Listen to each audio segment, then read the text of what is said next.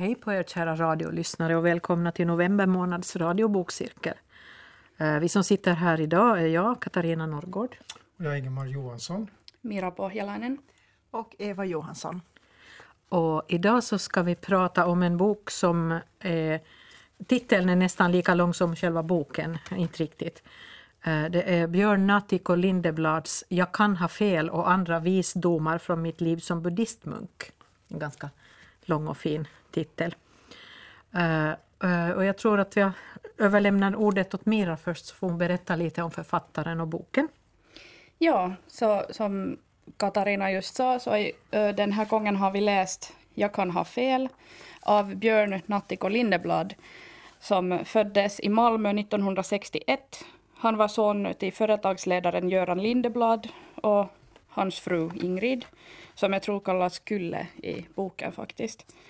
Uh, I hans bilder i alla fall.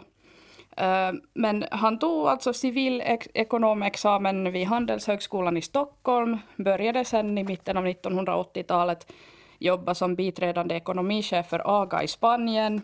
Och han trivdes inte på det här jobbet så han har provat lite ett och annat och jobbade till exempel ett år som ekonom för eh, uh, FN i Indien och han var ju redan före det här jobbet i Indien lite intresserad av buddhism, men, men det här året ändrade hans, honom så pass mycket att han reste sen till sist till Thailand i 1992 till ett sånt här fattigt skogskloster. Och där blev han munk och där fick han också det här namnet Nattiko Bhikkhu. Och Nattiko betyder alltså den som växer i visdom. Och han stannade där tills Eh, och i några andra kloster, i som, till exempel i Storbritannien och Schweiz, tills han återvände till Sverige 2008. Och då började han leda retriter för meditation och hålla föredrag. Och han har varit sommarvärd i P1 två gånger i 2012 och 2020. Och sen tyvärr så 2018 i september så fick han diagnos för det här ALS-sjukdomen. Och sen eh, han avled här i början av året, i januari 2022, genom assisterat självmord. Och det är då den här boken som, uh, som han har skrivit tillsammans med uh, ett par andra människor som heter Caroline Bankler och Navid Modiri. Så det är egentligen många sådana lärdomar från hans liv, både före och efter och under hans tid som buddhistmunk. Och jag tror att ni alla håller med om att det har varit många, många fina, fina ögonblick i hans liv och i den här boken. Mm. Jo, det, det, jag, hade, jag hade väl inte riktigt så här stora förväntningar på det. Jag tänkte att no, ja, nu är mer buddhistmunk. Jag menar, det där har ju andra prövat. Leonard Cohen var också buddhistmunk ett tag. Han tyckte inte om att vara i celibat tror jag, så han slutade för det. Men det, det är väl lite olika på. Men, men eh, jag tyckte redan från början, liksom första kapitlet som är samma, så, så dök det upp någonting sånt här som man bläddrar vidare några sidor och sen så, nej vänta lite nu. Och så bläddrar man tillbaks. Det där måste jag läsa en gång till. För att, och det var någonting som jag tyckte var så intressant, för han, han skriver så här, eller han och hans hjälp, spökskrivare. Jag har aldrig varit riktigt bekväm med ordet mindfulness. Mitt sinne känns inte fullt när jag är riktigt närvarande. Mer som ett tomt, stort och välkomnande rum med gott om plats för allt. Medveten närvaro på svenska. Det låter ansträngande och oavslappnat. Därför skulle jag vilja sjösätta ett nytt ord i det svenska språket. Varsevarande. Jag tycker om människor som hittar på nya ord som täcker någonting så att man slipper använda de där engelska termerna. Så här, här var jag fast. Det var liksom sidan 8-9 i boken. Sen var jag fast. Ja, alltså jag är också fast i vissa ord, men jag tänkte att just det där ordet, det, det blir inte mer begripligt än, än andra ord. Mindfulness, mm. varseblivande, att vara i varat och sånt där. Nej, men, men jag tycker om den där liksom ja, ny, nytänkande i alla fall. Att, att han försöker liksom hitta en, en svensk term för någonting. Och jag kan också lite sympatisera med det där. Att jag, jag tycker inte heller jättemycket om det där ordet mindfulness. Jag tycker det används lite för vitt och brett. Jag, jag tänker på det här eh, att det finns ju en förskjutning i det här från varse blivning till varse, eller varse varande, varse blivande till varse varande. Skillnaden mellan att bli och att vara är ju väldigt intressant tycker jag. Mm. Och jag tänker mig att, att, att, bli det, att det är ett sånt en, ett för, en förändring, men mm. att vara det är det tillstånd som man befinner sig i. Och, och, hans poäng är ju då den att, att det är en, en slags vilande tillstånd mm. som, som är tidlöst. Att det, egentligen är det väl en, en skillnad mellan aktivt och passivt? Ja, ja. precis. Ja. Uh, jag tycker Björn Natthike Lindeblad i den här boken Jag kan ha fel. Jag funderar liksom, vad, vad handlar boken egentligen om? Det är liksom, han är ju, verkar vara född eh, till civilekonom. Han, han, innan han är född så är han civilekonom för pappa och mamma har förväntningar. För de eh, har också den yrkesbanan tror jag. Och eh, det känns helt självklart för honom att bli civilekonom. Han har lätt för, för sina studier, han blir det han förväntas bli. Men sen är han då inte riktigt nöjd. Och då uppfattar jag att han, han vill bli vän med sig själv på något sätt. Och, och, och då, jag tänker roligt när han mediterar, jag vet inte om det är för tidigt i, i sändningen här men jag tycker det, det har alla som har suttit tysta och varit tysta och gått in i sin tystnad känner nog igen sig för han, han, han är ju rätt öppen då när han beskriver hur han gör, hur, vad som händer när han mediterar. Att det, kommer, det är det som är meditationen i sig också, att man ska liksom bli varse vara. Mm. varse vara det här att, att det kommer såna här saker som jag läser till vad, han har, vad, vad de har skrivit här då, vad, hur, hur det funkar när han ska vara tyst och inte höra någonting. Så kommer allt det här. Okej, nu kör vi. 45 minuters obruten närvaro. Andetaget är vägen framåt. Jag tänker lämna min förtvivlan bakom mig på det här stället och komma ut som en ny man till världen. Kanske kan jag till och med vinna tillbaka Haileys hjärta. Andas in, andas ut. Jag undrar vad det blir till lunch idag. Och det vi fick igår skulle vi inte ens ge hundarna hemma. Samtidigt dignar träden här omkring av solmogen exotisk frukt. Okej, okay, fokus. Andas in, andas ut. Men alltså kaffet på det här stället och så håller det på. det, det, är väldigt, jo, det, det är sån här eh, stream of consciousness. Alltså han, han, han, bara, det, han skriver precis så där som man tänker verkligen, mm. som tankeverksamhet funkar. Och, och, han har på något vis, i det skedet ännu, så tror han att man inte ska tänka någonting när man mediterar, eller att man ska bara tänka djupa tankar, men det är ju så där det fungerar när man liksom stänger ut annat och bara försöker liksom och det här, är ju, det här är faktiskt en röd tråd i det här. Han återkommer till de här scenerna mm. där, där den här meditationen flödar fram och tillbaka. Och han, det blir ibland ganska humoristiskt. Mm. Och, och, som det här också var så här uh, att han bjuder på sig själv och sina misslyckanden. Det handlar ofta om, om det.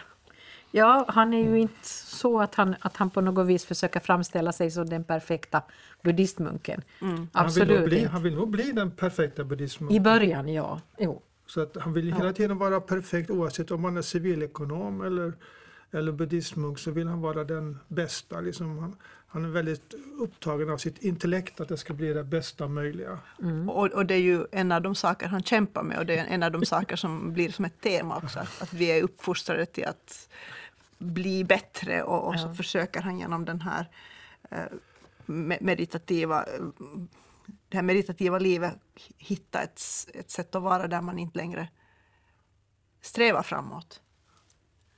Jo, ja, han, jag, jag, bara, jag skrattade nämligen högt när jag läste den här när han beskrev hur han åkte iväg med sin packning då. Och han var nog den enda av alla de här eh, förhoppningsfulla västerlänningarna med bröderna Karamazov i packningen. liksom, åh nej stackars du. Det var liksom, det var det dummaste man kan släpa med sig när man får på något sånt där. Det är mycket mm. sån här självironisk jo, humor i den. ja. Jo, definitivt. Jag tycker det är ganska kul att ha en tjock bok med sig som inte är för värdefull och så river man ut Jo men bröderna Karamazov, det, det känns lite, mm, ja, no. vi ska väl inte såga Dostojevskij här men att, ja. Det. Vad, vad fastnade du för här den här boken? Tänkte du på humorn? Jag skrattade nog också, också några gånger, just bland annat när jag läste den här med Karam, bröderna Karamazov. men, men jag håller med om att han, han har sådär trevlig, lite självironisk stil. Eh, men något som jag fastnade som han nämner flera gånger det här att han har nämnt en kapitel här till och med som heter Tro inte på allt du tänker. Och han pratar just om det här att vad, vad, det, vad är det som är så svårt att han pratar om att det här meditationskursen var en månad lång men eh, han flydde klostret efter fyra dagar. Och sen beskriver han att jag har aldrig varit en person som ger upp saker. Jag tog mig till exempel igenom tre år på Handels utan att vara genuint intresserad av ett enda ämne. Jag sprang Sevilla Marathon 1987 i 35 graders värme med nio träningstillfällen i kroppen, iklädd en tjock bomulls t-shirt, vilket mina bröstvårtor aldrig riktigt har förlåtit mig för. Men här gav jag faktiskt upp.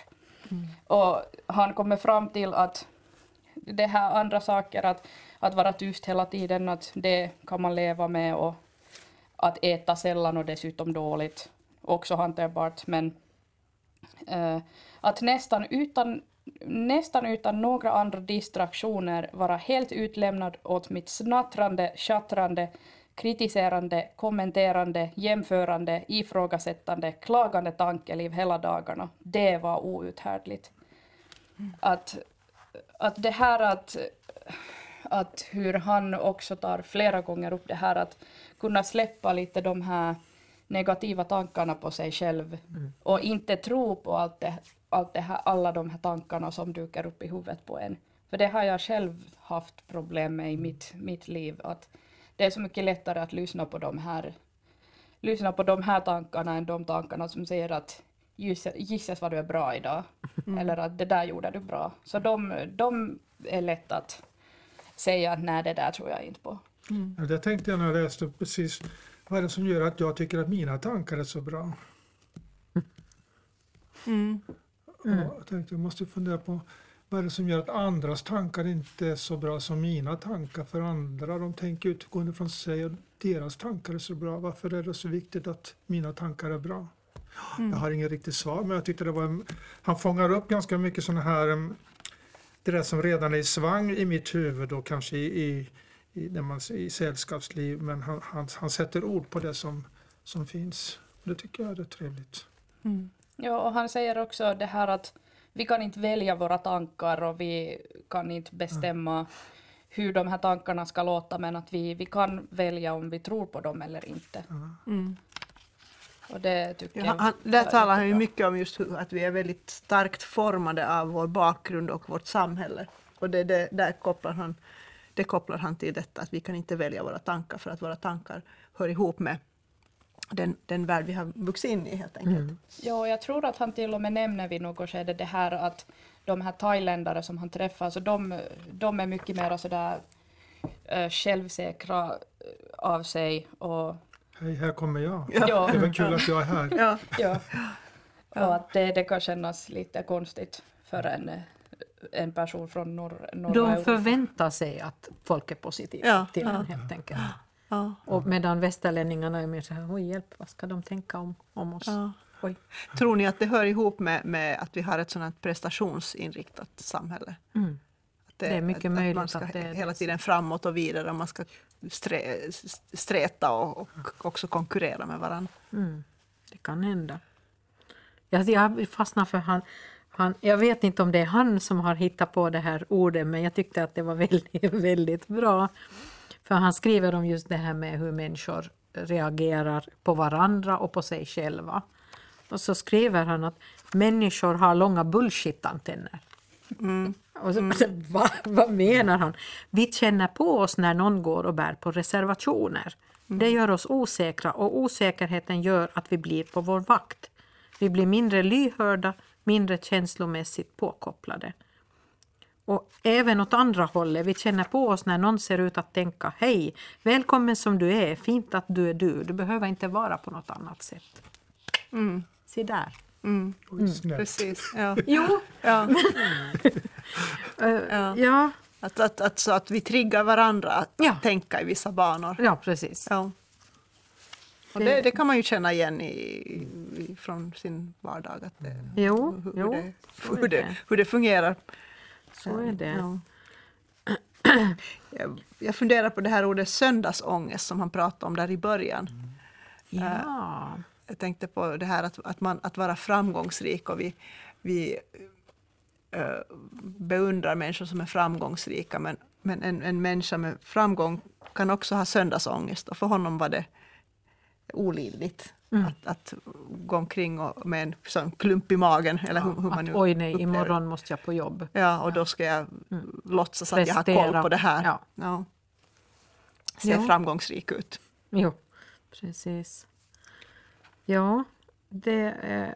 En liten här, liten här eh, kritisk, eh, den är inte, det är inte emot utan det är mer en kritisk instans här. Att han, det där som han målar upp som, som buddhismen och det, det är förstås ingår i buddhismen men det, det finns ju rätt mycket i olika religioner och filosofier som inte behöver vara just buddhism. Det är lite Mm. intressant tycker jag att, att han söker sig till andra sidan jordklotet för att hitta det som finns Eh, kanske inte liksom hela paketet som paketerat men liksom det finns eh, nej, inte bara tendenser, det finns ju faktiskt klosterliv här också och det finns en rik tradition. Mm.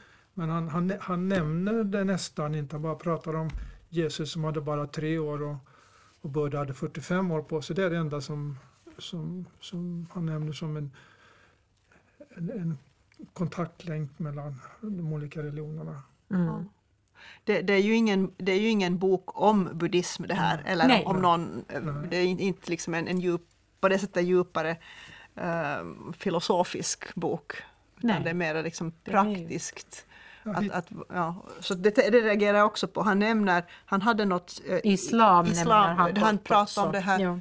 eh, det var den här, den här, mm, det här tal, talesättet att man ska binda sin kamel. Jag minns Ha tillit till Gud, men bind fast din kamel. ja, det vill säga man ska vara lite praktisk också. Ja. Man ska inte Det bara... motsvaras ju av det här, av fötterna på jorden och huvudet i himlen. Ja, ja. Mm.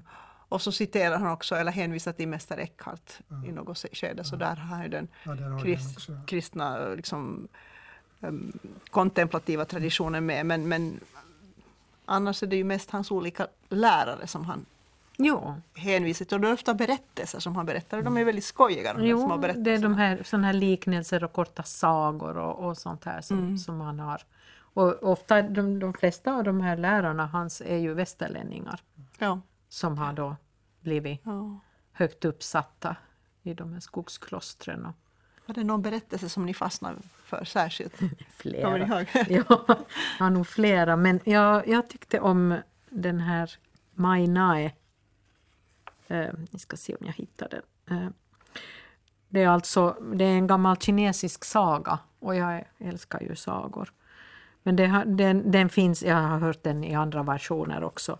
Men det är, är det här, eh, den här gamla, gamla bonden som, som har hans, hans häst rymmer. Mm, ja. Och grannen säger att oj, oj, oj, nej men nu har du ingen häst längre, hur ska det här gå? Nej, nej, det hemska saker.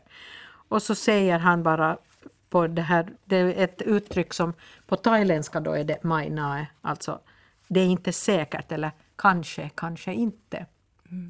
Och dagen efter så kommer hästen tillbaka och har två vildhästar med sig, så plötsligt har han tre hästar.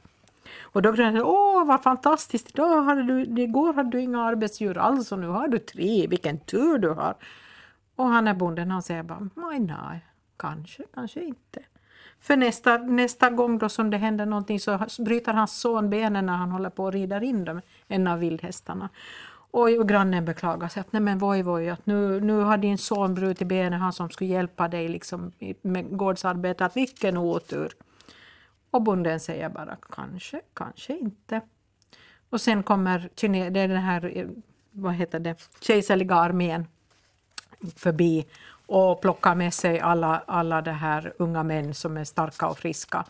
Men han får ha sin son kvar för han har ju brutit benet så han kan inte gå. Och, och det här grannen är då bara åh, wow, men vilken tur du hade, du fick behålla din son, du, alla andra blev av med sina. Och han säger bara ja, kanske, kanske inte. Så det är liksom tur eller otur och han tycker bara att nej, det kan vara tur, det kan vara otur. Du, du kan ha fel. Du kan ha fel! ja. Så den, den tyckte jag åtminstone att... Ja, den, Ja. den det tyckte jag väldigt mycket om. Men det var, det var många såna där, såna där berättelser som han, han drog upp, som de här lärarna tydligen då använde sig av det på samma sätt som, som i Nya testamentet när Jesus använder av olika liknelser. Så det, det här är också helt uppenbart att de tycker om att använda så här så att man får tänka lite själv sen. Ja, ja, Ja. Hade du någon som du fastnade för? Nu- nu- Jag, jag tyck, tyck, tyckte om flera, men nu, nu tänker jag på den här berättelsen om den här mannen som eh, nu har jag inte texten framför mig, men han, han ville veta om Gud finns, eller han utmanar Gud och så, han, han, så föll han ner och, för ett stup och klamrade sig fast vid en trädgren. Mm. Och, och så, så ropar han till Gud och så, att, att om du finns så hjälp mig. Ungefär så var det. Och, och så sa Gud att, att släpp taget. Kommer ni ihåg den? Ja, Ja. Och, och, och, ja. ja. Ska man då tro, ska man då man- tro eller ska man inte tro? Ja. Ska man släppa taget och tro att Gud finns? Eller man hör rösten men Mm. vad gör man sen? ja precis. När man får det tilltalet som man kanske inte hade. Det var det som man inte ville höra. Liksom. Men Astrid Lindgren skrev ju om det här också. Ja. Vad heter boken? Att, man ska, att, hoppa, det, att tro det är att hoppa ut för stupet. Mm. Mm. Ja. Och det är ju på något sätt det som den här boken handlar om också. Mm. Och att vi kanske inte har något annat alternativ än att släppa taget. Mm. Men fast vi Ja, det, är ju, emot. det är ju det, precis det som, som han har gjort. Ja. Släppt taget på så många sätt. Jag menar, de flesta trodde antagligen att han hade blivit galen när han lämnade en, en framgångsrik karriär och, och blev munk Mm. i en liten Mm. Ett kloster någonstans mitt ute i urskogen i Thailand. Jag menar, det kan inte... man kan också fun- fundera på, är det, är det liksom alla människors dröm att vara rik och framgångsrik? Mm. Är det, är det för själv, är det givet? Måste, ska man skämmas om man inte tycker att det är viktigt? Mm. Nej, det ska man väl inte. Ja. Var och en på sitt sätt. Ja, det kan Ja, det, blir som, det, uppfattas som en stor kontrast att man väljer Mm. Ett, ett annat liv för det, det som man har. Fast, alltså, är det, om, om man har, tjänar mycket pengar, är det då liksom mera eh, värdefullt? Eller någonting tänker- att man byter, byter jobb? Jag tänker mer att det, att det är anmärkningsvärt att han stannade där så länge. Kanske. För jag menar, han var ju ungefär, han var lite under 30 kanske när han, och det är ju ganska vanligt att man gör Mm. radikala saker i, i, i, när man är 20-30 år så när man åker, reser runt jorden eller seglar världen runt eller Mm. så det var ju inte så konstigt tycker jag. Nej, det är väl sant. Men att han blev, jo, att han höll ut eller hur man nu ska Mm. säga så pass länge. Så Vad fick ju, honom att stanna kvar? Ja. Menar den frågan tänker jag. Att det är intressant. jag återvänder igen till Leonard Cohen som Mm. körde det här med buddhism, men han var nog inte jag tror inte ens att det, var tio år som han höll ut. Mm, mm. Och, och vad jag förstår, jag såg någon, någon gång någon intervju med honom, ja det var svårt det där med celibat. Mm. så, så, och det är ju, jag menar det är ju verkligen, som han beskriver det så är det ju väldigt mycket som, som man måste lämna. Inte bara det där med sex, och, och, utan det där med mat, man äter en gång om dagen. Men det där att man är fullständigt utlämnad åt andra människors goda vilja. Mm. Det måste ju vara väldigt svårt för en västerlänning, tänker jag. Mm. För mm, framförallt, jag menar, i Thailand så, så är ju munkarna väldigt uppskattade, så de får ju faktiskt mat och de får, mycket, de får saker. Men, men sen Mycket när- toalettpapper. mycket toalettpapper fick de. Ja. Men, men när, när de är i, i England Mm. så är det ju någonting helt annat. Mm. Eh, Kan man tänka sig att eh, thailändarna behöver munkarna för att kunna vara generösa? Att det är en institution som ingår i kulturen mer än att, att, att man oj, en, en munk, han måste honom lite grejer. Men det är Ja, precis det, det det, är ett så. samspel. Ja. Samspel mellan olika parter. Ja. För de får ju inte tigga. Ja. Jag tänkte på Det det, är här som han, han berättade ju om, om, det var en annan historia, han, han blev intervjuad av Stina Dabrowski och, och så frågade hon av honom att, att, att vad skulle det bli om, om, om alla skulle bli munkar? Ja. Och så frågade han, som returfråga, det var ju väldigt fyndigt, att vad skulle det bli om alla skulle bli programledare? Eh, att det är ju, ja, det är ett samspel Mm. mellan olikhet. Det var just en tanke som slog mig där just när jag läste om det här att hur svårt det var det här med, med, med det här när de försökte få allmosor när de var i England. Att numera finns det ju, finns det ju också de här som, som försöker lura folk att de, de är liksom så kallade munkar men de egentligen är bara ute efter pengar. Så på, jag tror att det också, jag vet inte hur länge de har hållit på med sånt, sånt där lurande, men jag tror att det kan också bidra till att västerlänningar kanske är lite mera misstänksamma när de ser folk som är utklädda till såna munkkåpor och verkar liksom vilja ha någonting. Men sen tyckte jag också det var roligt det här att när han gjorde den här någon, någon vandring och det var ju det här att han skulle inte det, det var hans det här sista, sista liksom pilgrimsfärd innan han skulle åka till Europa från Thailand. Och han vandrade 500 kilometer tillbaka till sitt hemkloster där i Thailand eh, efter det här eremitåret. Och då var det ju att, att han, eh, han liksom hade inte pengar och han fick ju inte, inte direkt ta hjälp eh, från folk som han träffade på det viset. Och han träffar just liksom folk där och som en, kan, kan vi hjälpa dig, att kan vi köra dig någonstans? Och han säger bara att nej, att jag har lovat att jag ska gå hela vägen, jag har lovat mig själv. Och sen försöker han att kan vi ge dig lite pengar? Att nej, jag är skogsmunk, vi använder inte pengar överhuvudtaget. Och sen försöker de att kan, kan vi inte göra någonting, att vi skulle gärna vilja hjälpa dig på något sätt. Eh, och sen, han hade just ätit för, för den dagen också, så att han fick inte ta emot mat heller. Och sen till sist så, när de, ett, finns det ingenting som vi kan hjälpa dig med? Så då sa han, ja, no, kanske en Pepsi. och, och, liksom, och han funderade just att jag strövade vidare mil efter mil med 8 till 10 Pepsi i blodomloppet och funderade på om det verkligen var det, det här buddhan menade när han talade om det heliga livet. Ja. Och, men, och, och just det här att, att hur olika eh, de här munkarna behandlas i Thailand, så här var det också att särskilt eftersom han är en västerländsk skogsmunk, så de lokala befolkningen tycker ju att de får en tur med sig. Så det finns, fanns ju en bit här också där han träffar några människor och de börjar ställa massa frågor och allt som har svar som är siffror. Att de frågar hur länge han har varit munk och hur många syskon har han och sen fattar han att de håller på att fixa veckans lottorad. Jo. Så det är liksom- så då ja. var det sju, okej, ja.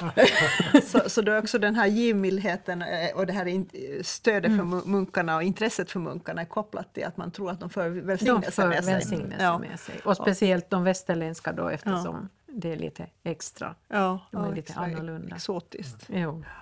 Jo, det, det, eh, det, det dyker upp såna där roliga detaljer då och då i den här boken. Men alltså, för jag funderar ju på det där, vad, varför heter boken Jag kan ha fel? Jag tycker, för det är ganska, jag menar, det är en ganska bra utgångspunkt. Jag kan ha fel. Jag kan ha fel. Jag kan ha fel. Alltså Ja. antingen handlar det om att boken i sig, innehållet kan vara fel, men också handlar det om att han, att vara de här, den här tankeprocessen han är inne i kan, måste han då träna sig att de kan vara fel. Men det var ju det då. Och det var ju det här underbara, mm, den här delen då. Med, då hade han ju igen en sån här berättelse om en av sina lärare. Eh, som, som det här skulle lära sina, alla de här lärjungarna. De ville väldigt gärna få något extra bra mantra eller någonting som skulle fungera. Liksom. Och, ja, no, men då, då, då hade han något att, ja, att, att är ni med? Här kommer det magiska mantrat. Jag kan ha fel. Jag kan ha fel. Jag kan ha fel. Och så skriver han, det är nu över 20 år sedan den här kvällen inträffade, men jag har aldrig glömt den. Du vet upplevelsen av hur kroppen känner igen och reagerar på sanningen långt innan hjärnan helt och hållet har funnit förstå den. Sånt sätter sig och stannar där. Mm. Jag kan ha fel. Mm. Mm. Och han tillägger där också som jag tycker är lite klock, klockrent att, att, ehm, att det här mantrat är som svårast för mig att komma ihåg när jag behöver det som mest. Men när jag kommer ihåg det så funkar det alltid. Och alltså att, så, som han också säger att det är liksom så enkelt och så sant men så lätt att glömma. Att, Mm. att hur mycket det skulle hjälpa oss alla att vi ibland skulle tänka på att jag kan ha fel. Att jag, det är liksom att han ger ju också ett exempel här att med sin fru som han sen blev ihop med när han kom tillbaka till Sverige att de höll på att bråka om någonting och hon påminde honom om att kanske du borde nu försöka komma ihåg det där mantrat som du har pratat om under dina föreläsningar runt om i Sverige. Att kanske kanske du kan ha fel. Alltså jag tänker på den här um, politiska debatten, lagtingsdebatten. Det är ingen som säger att jag kan ha fel, det är ofta du har fel. Ja. Mm. Ja. Ja, och har man den utgångspunkten så är det ju svårt att komma vidare. Mm. Det är ju det. Det är ju ett uttryck för ödmjukhet men det är Ja. också ett uttryck för en dialogisk inställning Ja, till, till, precis. till det, det man pratar om. Att låt oss se på det här med förutsättningslöst eller, Mm. eller försöka i alla fall. Precis. Men jag tyckte också att det här sättet som han beskrev det här när han bråkade med sin fru där, att när han beskriver det här att jag kan ibland ha en besvärande lätt tillgång till min inre obstinata fyraåring, så jag blev sur över något irrelevant. Sur på det där sättet när man vet redan när man blir sur att man inte har någonting att stå på, inga goda argument alls. Och det där kan, tror jag ganska många människor kan känna, känna igen. Att det är så lätt att bli väldigt sur över helt irrelevanta saker. Ja. Jag ska bara säga att vi, vi pratar alltså om Björn Attic och Lindeblads Jag kan ha fel. Och andra visdomar från mitt liv som buddhistmunk, om vi nu ska ta hela titeln. Får jag vända, vända fr- frågan om, om det här med igenkännbarhet. Jag tänker på, han börjar, där i, i, han, han börjar med att beskriva hur han som åttaåring fick en sån här upplevelse av total närvaro som var liksom hans första ingång i den här medvetna närvaron. Och han, han beskriver hur han, det var en, en scen i köket, han såg på brödrosten hur den skimrade och allting var vackert. Kommer ni ihåg den scenen? mm, ja. Allting var stilla, allting var vackert. Det var hemma hos mormor eller någonting. Eh, Och, och, och eh, det var hans, som han skriver, hans första upplevelse av total närvaro. Och, och så, så kände han i den här stunden, han blev så gripen att han började gråta. Och så kände han så här att välkommen hem. Det var liksom tillvaron som öppnade sig för honom. Och då kände han tacksamhet. Eh, vad säger ni, tror ni att många människor delar också den upplevelsen? Kanske inte som åttaåring. Ja, jag Jag tror tänker- att någon har haft en sån erfarenhet. Jag Jo, tror att man, Det. Vem som helst kan ha den när som helst. En ofödd baby kan också ha den. Ja, men alltså, han sätter ju ord på det där som vi, som vi är med om tycker jag. Eller som jag är med om. Men jag inte har riktigt ord. Och så sätter han ord på och säger ja, men det där är ju, det har jag också Mm. upplevt. Det är ju sant. Eh, Men jag har eh, jag får, jag får liksom hjälp av honom att eh, formulera mig Mm. min upplevelse. Ett barn kanske inte riktigt har den här grammatiken klar för sig när man ska formulera det men man kan ju kanske känna igen det när man som vuxen hör talas om det. Det är kanske det som man når när man lever mera så här. Mediterar och kanske man kommer ihåg saker från sin barndom till exempel. Eh, Av just ordlösa upplevelser. Mm. För uppenbarligen så har den här, den här upplevelsen sen kommit tillbaka till honom som en, den har bekräftats liksom i, sin, Mm. i hans senare upplevelser och blivit meningsbärande.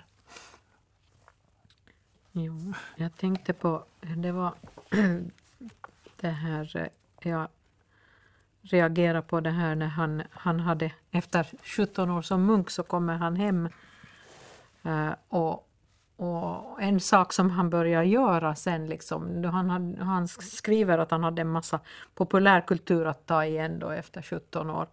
Och då tittar han på Skam, norska, mm. ursprungliga. Och, och det här och, och konstatera att det var ju liksom bara tonåringar, det är nästan inga vuxna i serien. De, de mm. syns bara lite skymta förbi ibland, men det är tonåringarna som tar liksom huvudutrymme och som det handlar om. Och, och, det här, och så är det då Nora, en av huvudpersonerna i, i serien, som står och fönar håret och så har hon satt en post-it-lapp på spegeln där hon står. Och där står det alla du möter utkämpar en kamp som du inte vet någonting om. Var snäll, alltid. Mm.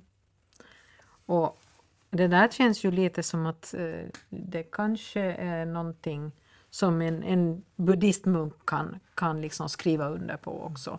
Mm. Även om han då inte är buddhistmunk längre. Men han, han hittar uppenbarligen någonting i just det där mm. som, som han kände igen eller kunna skriva under på. Mm. Det, det, det, tycker jag att har varit att en av de fina sakerna med den här boken tycker jag var, var hans, hans, eh, hur han beskriver eh, vänskap och gemenskap eh, mellan de här buddhistbröderna. Det kommer mm. fram på olika ställen och någonstans så skriver han också uttryckligen om det, hur viktig den, den här gemenskapen är. Mm. Och, och, och, han skriver också om hur, hur mycket vänner han har. Och att de här vänskaperna är liksom bestående fastän de skingras och de bor i olika sammansättningar så, så håller de kontakt. Det, jag skulle vilja, ja, från min horisont skulle jag beskriva som, som man kan uppleva om man har varit på någon sån här psykkurs av något slag. Att man får någon slags själarnas gemenskap mm. i, i det här mm. sammanhanget. Det är kanske det han lite eh, motsvarar det han beskriver. Mm. Ja. Ja. Ja, det är ju uppenbart att de brevväxlar efter, även efter att han har lämnat, mm. liksom kåpat av sig som han uttrycker det. Mm. Så efter, efter det och så brevväxlar han med många av de här som fortfarande är munkar. Då. Man kan ju mm. också ha kontakt fast man inte liksom har någon fysisk kontakt. När mm. man har tillräckligt, har gemensamma upplevelser, har man ju mm. sina, umgås man ju via sina upplevelser också. Mm. Ja. Det låter, trycker du på någonting Mira?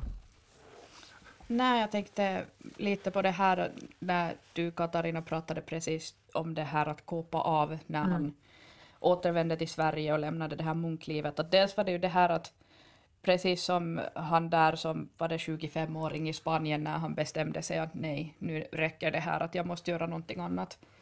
Att han bara fick den där känslan och sen åkte han och blev munk. Och sen beskriver han att på något samma sätt så han bara kände plötsligt att nej, nu är jag klar här. Mm. Att nu ska jag göra något annat. Och det, här, det där just att han beskriver också att, att man kan bara återgå till sitt så att säga vanliga liv. Att det är inget som...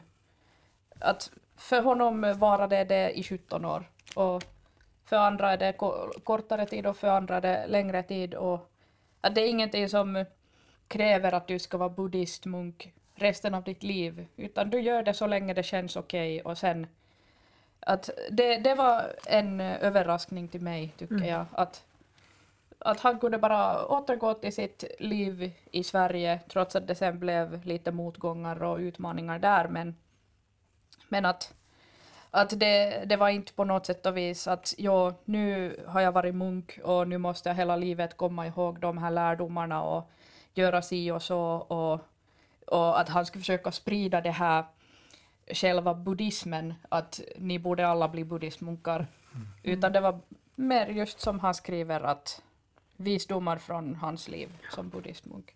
Buddhismen är ju ingen missionerande religion förstås, så att det är på det sättet, inte direkt i alla fall. Men, men, slås men, det att han talar nog om att det finns kvinnokloster, men de är mm. väldigt få.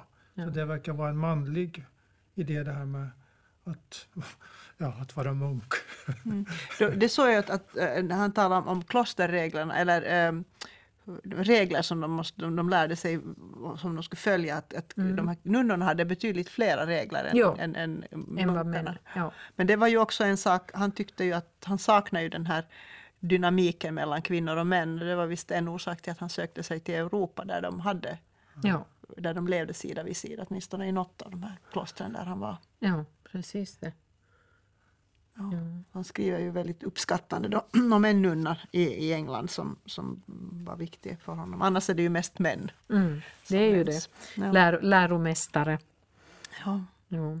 Jag tyckte också, det, var- men det var väl eh, det var en av de här brittiska, nej det var den här kanadensiska lä, läromästaren som, som det här eh, som lärde honom det att, att eh, orsaken till att man, man ska göra det som är rätt så är ju inte nödvändigtvis att det det är för alla andra, att, att ju för att alla andra ska se att jag gör rätt, utan för att jag själv ska veta att jag har gjort rätt. För, för det här, den här kanadensiska munken då är hemma och hälsar på till Kanada och, och hans kusin häller upp whisky och munkarna får, dricker ju inte alkohol, inga rusmedel. Mm. Och så försöker kusinen då hälla upp whisky åt, åt kusinen, eh, åt, åt sin buddhistmunk till kusin då liksom. Att, ja men ta nu lite. Det ja, det är sådana där bekanta grejer. Nej, att, att det är tradition att vi, vi dricker inte alkohol. Ja men, men, men ta nu lite, att inte, inte kommer ju någon att få veta. Och då säger han bara, jo men jag kommer att veta. Jag tyckte det var fint. Ja, det var det. Ja. Och det, det betonas där igen det här att det, det, inte, det handlar inte om att, att um, vara vad ska jag säga, resultatinriktad utan man gör saker för att det är rätt, inte för att det um, ska att det är inte liksom för att satsa på den vinnande hästen på något vis, utan man gör saker för att, för att det är rätt, inte för att det ska leda till ett visst resultat. Mm. Och det tycker jag att vi har ganska mycket att lära oss av också. Ja, Att, att eh, ma- man, man behöver inte tänka i banor av nytta, utan nej, han säger. Han säger så här. Anledningen till att jag vill leva ett liv med ryggen rak, med en god inre etisk kompass, är inte för att det står i en bok. Eller för att någon gammal dammig religiös skrift säger att man ska göra det. Det är inte för att jag vill verka god i andras ögon. Inte för att det sitter en farbror med silvrigt hår och skägg och ett extremt långt pekfinger ovanför molnen och för individuell balans och resultaträkning över allt vi gör och säger. Utan helt enkelt för att jag minns.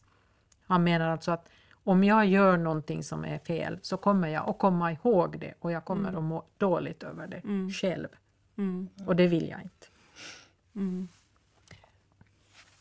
tänkte på det där Mira som du sa om, om, om att, att eh, folk klär ut sig till munkar och, och, och tigger liksom, och, och att det gör att, att, det, att eh, munkarna får bli misstänklig, mis, misstänkliggjorda.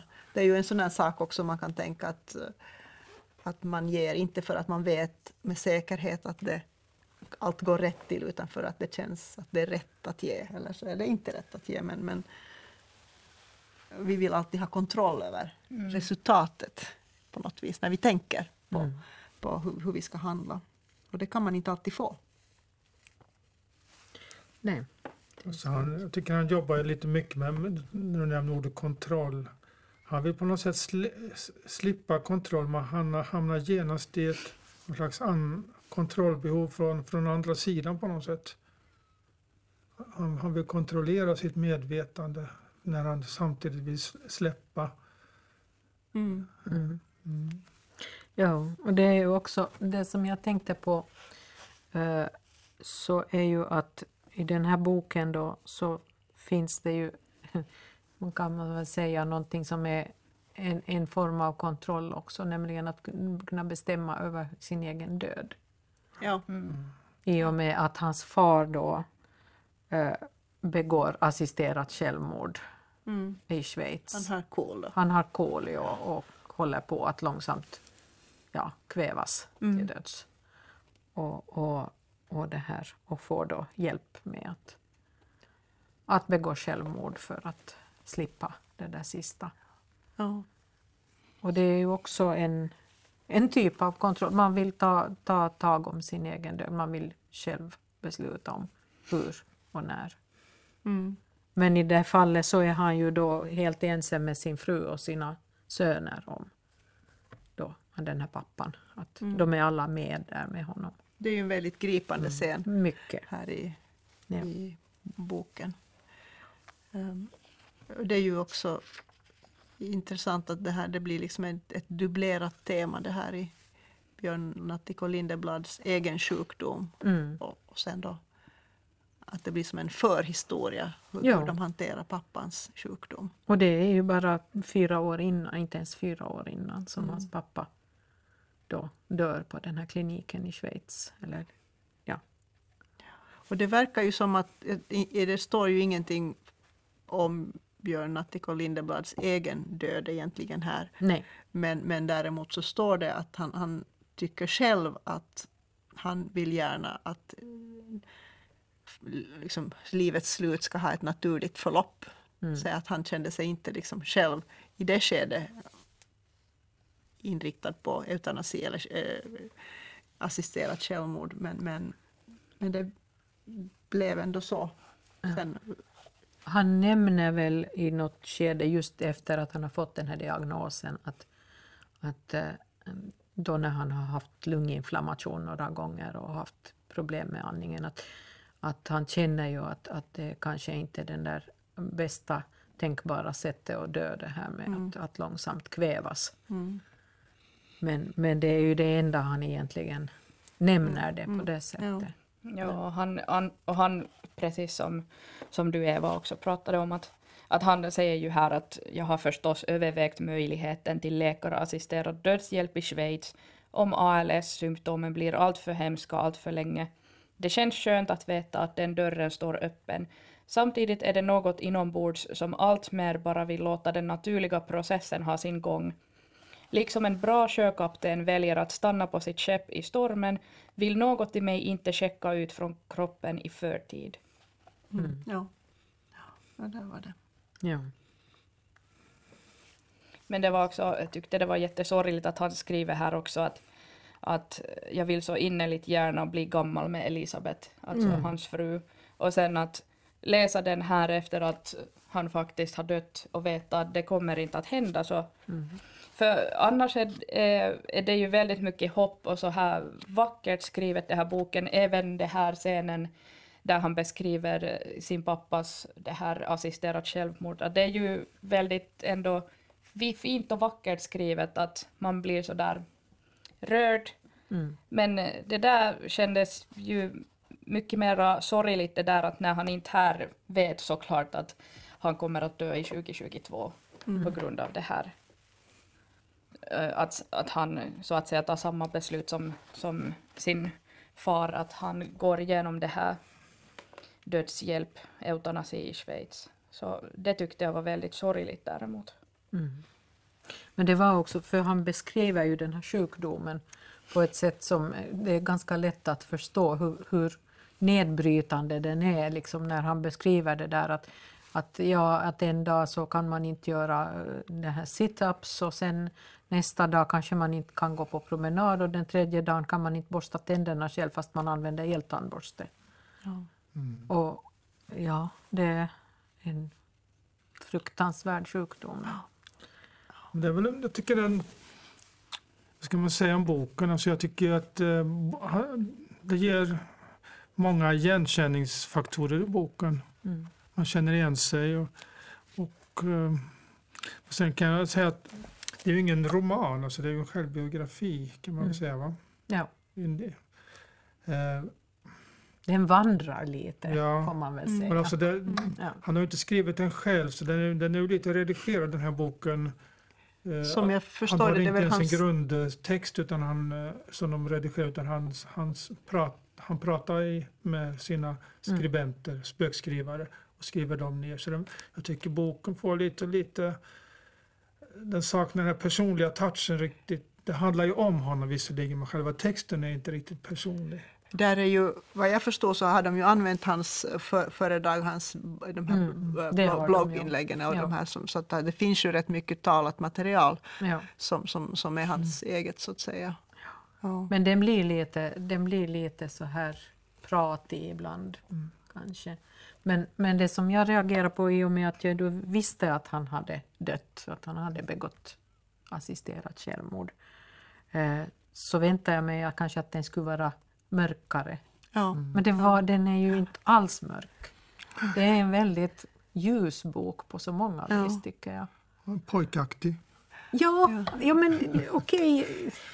Han hann ju fylla 60, men, men han känns som en ung pojke på många vis. Mm, Ja. Men visst. Ja.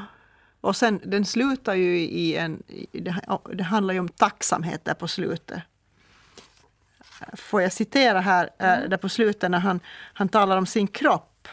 Han säger att han har tal, talat om att han ti, tidigare har han haft komplex för olika saker med klopp, kroppen. Men idag har vi ett an, helt annat förhållande, jag och kroppen. Den känns mer som en gammal vän. Eh, och så säger han jag känner stor tacksamhet. Och så säger han tack kropp för att du har gjort ditt bästa hela tiden, varje dag. Nu kämpar du i motvind. Jag ser dig. Du får absolut ingenting gratis längre. Ändå gör du allt du kan för mig. Och så fortsätter han Mm. äh, att, att tala till sitt, sin egen kropp med tacksamhet. Mm. Det är så fint. Ja. Då tror jag att vi var klara för den här gången. Eh, idag har vi alltså pratat om Björn Natthiko Lindeblads Jag kan ha fel och andra visdomar från mitt liv som buddhistmunk. Eh, och vi som har suttit här och diskuterat är jag, Katarina Nordgård. Eva Johansson. Mira Pohjalainen. Och Ingemar Johansson. Eh, och nästa gång hörs vi igen i december och då ska vi prata om Ulla-Lena Lundbergs Lyser och lågar. Men till dess, ha det bra och fira lilla jul lugnt och fint. Hej då!